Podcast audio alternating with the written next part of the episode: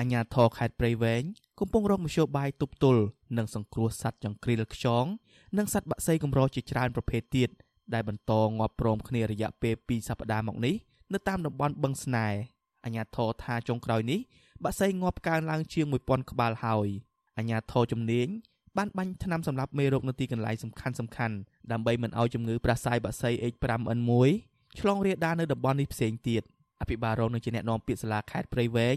លោកច័ន្ទថាឲ្យដឹងនៅថ្ងៃទី1ខែមេសាថាក្រសួងពាក់ព័ន្ធកំពុងតាមដានទប់ស្កាត់និងបង្ការកុំឲ្យបាតុភិបនេះរីករាលដាលនៅតំបន់ផ្សេងទៀតព្រោះក្រសួងកសិកម្មបានពិនិត្យឃើញថាជំងឺផ្ដាសាយបក្សី H5N1 គឺជាមូលហេតុដែលធ្វើឲ្យបក្សីទាំងនេះងាប់មិនមែនដោយសារតែពុលថ្នាំនោះទេលោកថាបាតុភិបនេះពុំប៉ះពាល់ដល់ពលរដ្ឋនៅតំបន់នេះទេហើយអាជ្ញាធរជំនាញ កំពុងអនុវត្តយុទ្ធសាស្ត្ររយៈពេលវែងដើម្បីគ្រប់គ្រងតំបន់អភិរក្សបឹងស្នេហ៍ឲ្យមានប្រសិទ្ធភាពចឹងការឆ្លាប់វានៅមានតែតិចតួចបំផុតក្នុងថ្ងៃខ្លះមានថ្ងៃក៏អត់ដែរទាំងរដ្ឋបាលខេត្តក៏មួយក្រសួងស្ថាប័នផ្នែកជាតិយើងមានផែនការយុទ្ធសាស្ត្ររយៈពេលវែងសម្រាប់ការគ្រប់គ្រងនិងការអភិវឌ្ឍតំបន់នេះបាទប៉ុន្តែយើងកំពុងដំណើរការបន្តបន្តសត្វចង្គ្រាលខ្យងនិងសត្វស្លាបកម្រផ្សេងទៀតនៅក្នុងតំបន់អភិរក្សធនធានធម្មជាតិតួពាន់តលៃបឹងស្នេហ៍ បានងាប់ជាបន្តបន្ទាប់ចាប់តាំងពីថ្ងៃទី17ខែមីនាអាញាធរបានអះអាងថាសត្វស្លាបទាំងនោះងាប់ដោយសារតែមេរោគមួយយ៉ាងដែលស្ថិតក្នុងក្រុមមេរោគដែលបង្កជំងឺផ្ដាសាយបាសីទោះជាយ៉ាងណាពលរដ្ឋមួយចំនួនរស់នៅតំបន់នោះមិនជឿថាបាសីទាំងនេះងាប់ដោយសារជំងឺនោះទេ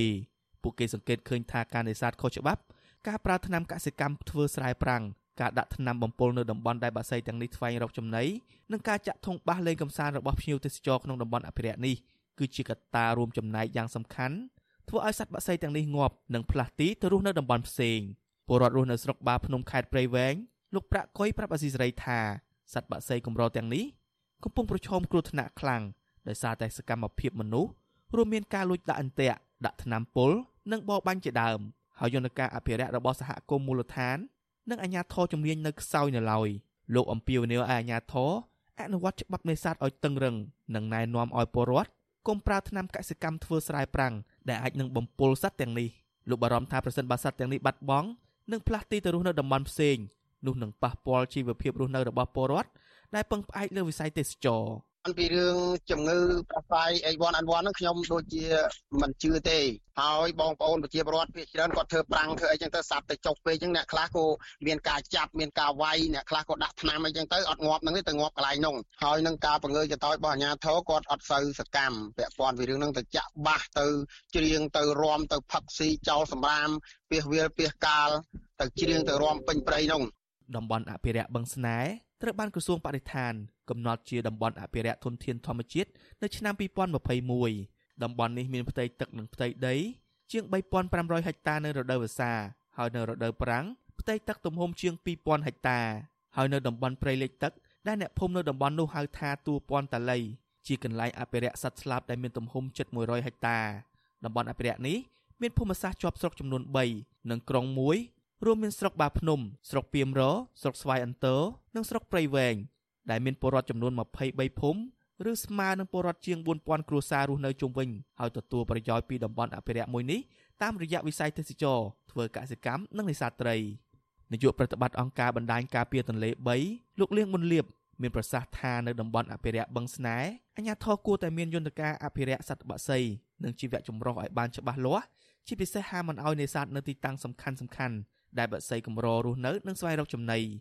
លោកថាបទល្មើសនេសាទការបាញ់ថ្នាំពុលនិងថ្នាំកសិកម្មក៏ជាមូលហេតុបណ្ដាលឲ្យបក្សីកម្រទាំងនេះប្រឈមនឹងគ្រោះថ្នាក់ដែរការបំពុលសត្វធម្មតាតែកាលណាចំណីរបស់សត្វអស់ហ្នឹងគឺកុកខ្វក់កុកអីអស់ហែហ្នឹងគឺសិតតែ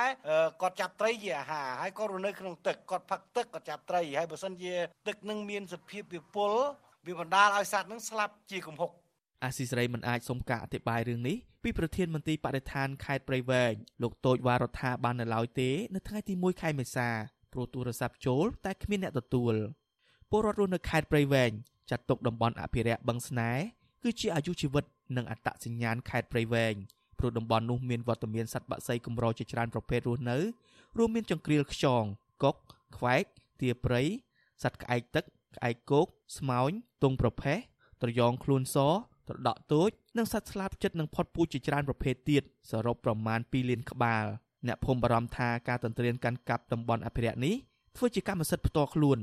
នៅតែកើតមានជាច្រើនដោយគ្មានការទប់ស្កាត់ហើយបានប៉ះពាល់ដល់សត្វបក្សីកម្រទាំងនេះរស់នៅពួកគាត់ស្នើយ៉ាងទទូចដល់អាជ្ញាធរឲ្យជួយដោះស្រាយបញ្ហាទាំងនេះដើម្បីអភិរក្សបឹងធម្មជាតិមួយនេះឲ្យបានគង់វង្សទៅថ្ងៃមុខខ្ញុំបាទជាចំណានអាស៊ីសេរីពីរដ្ឋធានី Washington